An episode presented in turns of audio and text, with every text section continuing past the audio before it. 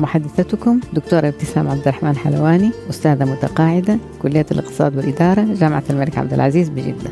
أستعرض في هذا البودكاست مقالات كتبتها في الصحافة المحلية وتم تجميعها في أربع كتب نشرتها قبل عدة سنوات حيث أختار منها ما يتناسب مع واقعنا وأسعى مع المستمعين والمستمعات لمقارنة الحال بين الأمس واليوم بما يخدم الهدف الأساسي لكل موضوع.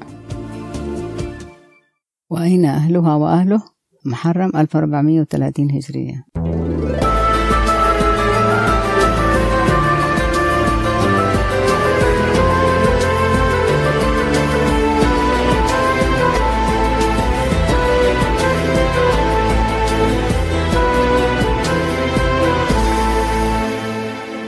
سبب كتابتي لذا المقال إني قرأت في عكاظ آه، آه، خبر كاتبينه عن شابة تزوجت من ثلاث سنوات واكتشفوا أهلها إنها عذراء بعد مرور ثلاث سنوات الآن. وطبعا كان يعني آه، كانت قصة غريبة وبعدها كان هدفي من كتابة المقال ده إني أبين للناس يعني خطأ الشيء هذا إنه الأهالي ما بيدروا عن بناتهم والأزواج ما بيكونوا أمينين معاهم.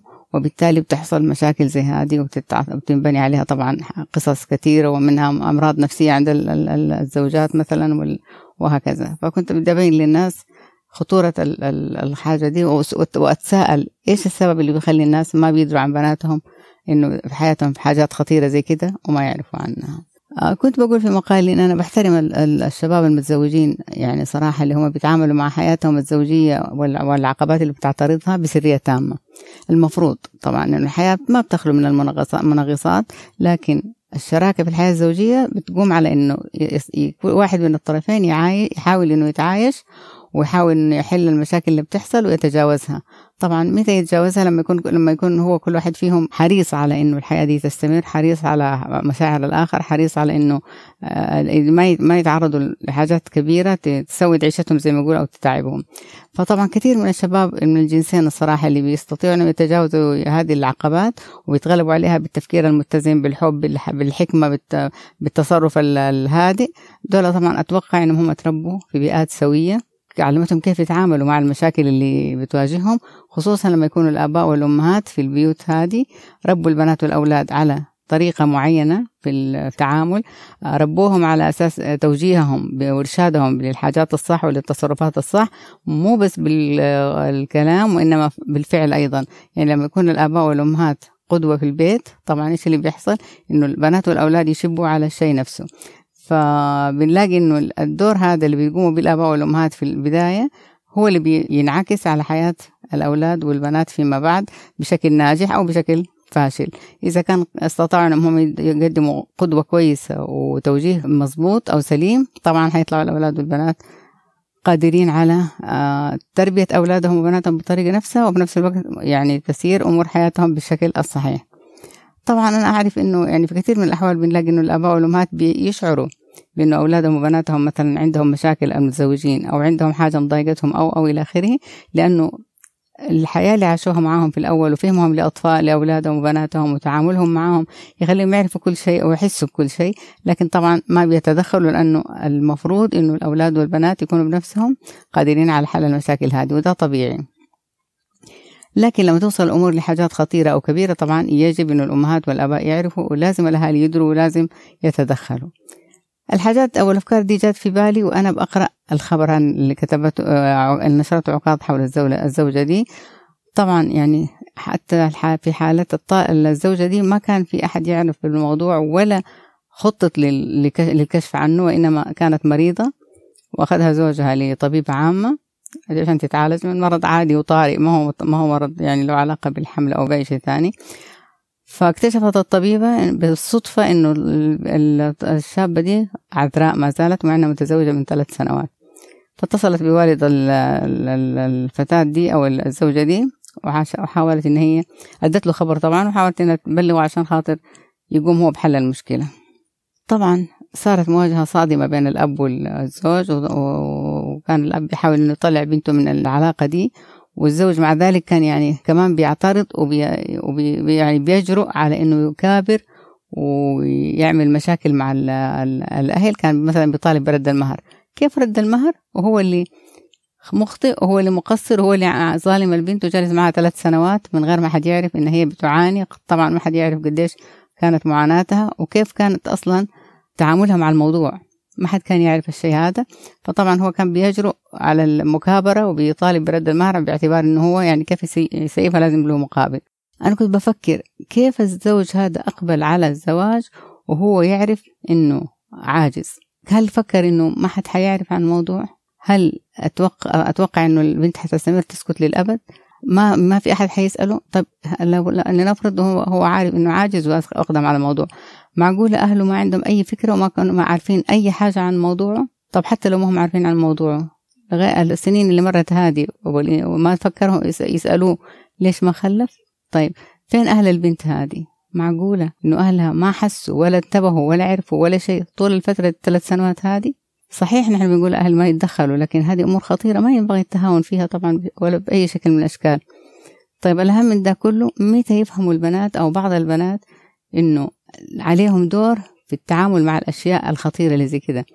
ليه بيكونوا سلبيات في بعض المواقف زي كده؟ هل هذه الفتاة صحيح كانت المفروض تفضح زوجها لكن كان عندها في تصرفات تعملها.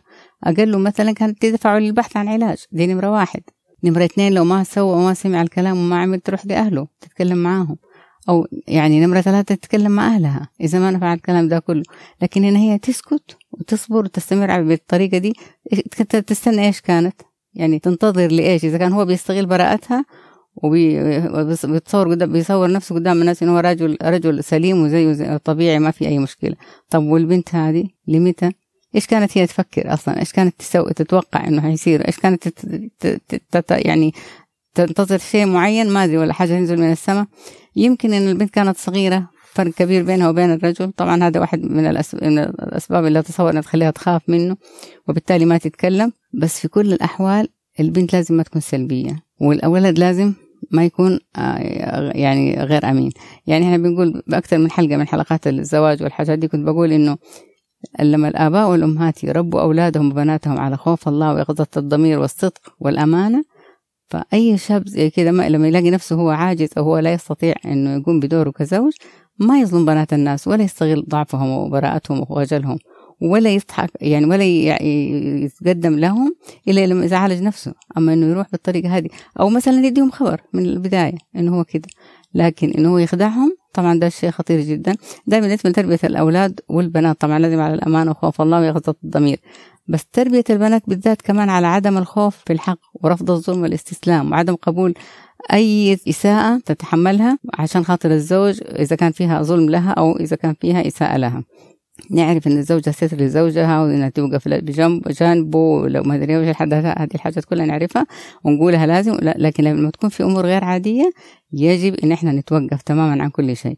يعني ابدا البنت لازم تتربى على القدرة على أخذ قرارها بنفسها. لازم تعرف كيف تتعامل مع الأمور. لازم يعني توجه لانها هي تاخذ قراراتها في الأمور الخطيرة بنفسها تواجه الزوج ايا كانت المشكلة اللي موجودة. طبعا ما نقول إنها تتخانق معاه لا يعني في الحالات العادية قصدي وإنما تستطيع أنها تتعامل معه بما يجب وبالطريقة اللي تحفظ لها كرامتها وشخصيتها وحقوقها من غير ما تسيء من غير ما تتطاول. طيب هذا بالنسبة للوضع يومها. كنت بقول الآن كيف الوضع الآن بالنسبة لتعامل البنات والأولاد مثلا والزوجات من الشباب والأزواج مع الحياة الآن؟ الحقيقة الأيام هذه بنلاقي أنه يعني صار الرفض أكبر من الأيام اللي فاتت أو من السنين اللي فاتت. يعني في أي مشكلة صار البنات والأولاد بيرفضوا. يعني ما عاد صاروا يخافوا من الطلاق. ما عاد نظرتهم للزواج أصلا ما هي النظرة اللي هي يعني تستحقها العلاقه المقدسة هذه. بنلاقي كثير من البنات والأولاد من الشباب اليوم آه يعني ينظروا إلى الطلاق كحاجة عادية جدا سهلة جدا حل ممكن اللجوء له في أي وقت. نظرتهم للزواج عادية جدا ونظرتهم للطلاق عادية جدا. بيتصور إنه إذا طلقت اليوم اتزوج بكرة وإذا طلعت البنت هذه أو الولد هذا مو كويس أجيب يعني أتزوج واحد غيره أو واحدة غيرها. فهذا الكلام خلى اللجوء للطلاق سهل جدا. طبعا ده برضو يرجع للتربية. لأنه البنت والولد لما يعيشوا في بيئة تقدس الزواج وتنظر له كعلاقة يعني فعلا لها قيمتها وما ينبغي التفريط فيها بتلاقي البنت والولد كل واحد فيهم يحاول إنه هو يتجنب أي مشاكل تحصل أو حتى يتجاوزها يعني أو إنه يتعامل معها بالشكل المطلوب حتى يحلها. ليه؟ لأنه ما بده يفرط في العلاقة دي. لكن لما النظرة للزواج أصلا ما عاد صار لها قيمة أو تدنت عن عما كانت عليه والنظرة للطلاق صارت كمان عادية جدا وطبيعية ويعني ويعتبروها منفذ بس ما يفكروا في أي شيء آخر. فإيش اللي بيحصل؟ إنه صار ينظروا للطلاق والزواج كحاجات طبيعية جدا فسهل الشيء, الشيء للجوء هذه الأيام. طبعا هذا الشيء برضو غلط لكن في حالات زي كده المفروض في الحالات العويصة اللي بالشكل في الحالة اللي إحنا بنقول عليها اليوم طبعا المفروض إنه الأهل هنا كان يتدخلوا من الأول يشوفوا بنتهم ويعرفوا قصتها. أهل الزوج كان المفروض يتابعوا أولادهم ويكونوا إذا عارفين في عنده مشكلة معينة المفروض ما يتركوه يتزوج ولا يتقدم لغاية ما يحل مشكلته. وبالنسبة للأهل نفسهم طبعا يجب أنهم يتابعوا بالنسبة للبنت الشيء نفسه والولد والبنت نفسهم يتعاملوا مع الأمور كما يجب.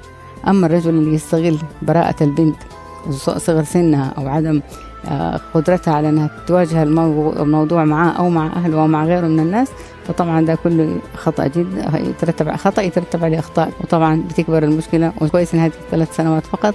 أتصور إنه كان ممكن تستمر على الوضع هذا سنوات أطول من غير ما حد يعرف لو ما إنه بالصدفة انكشف الموضوع.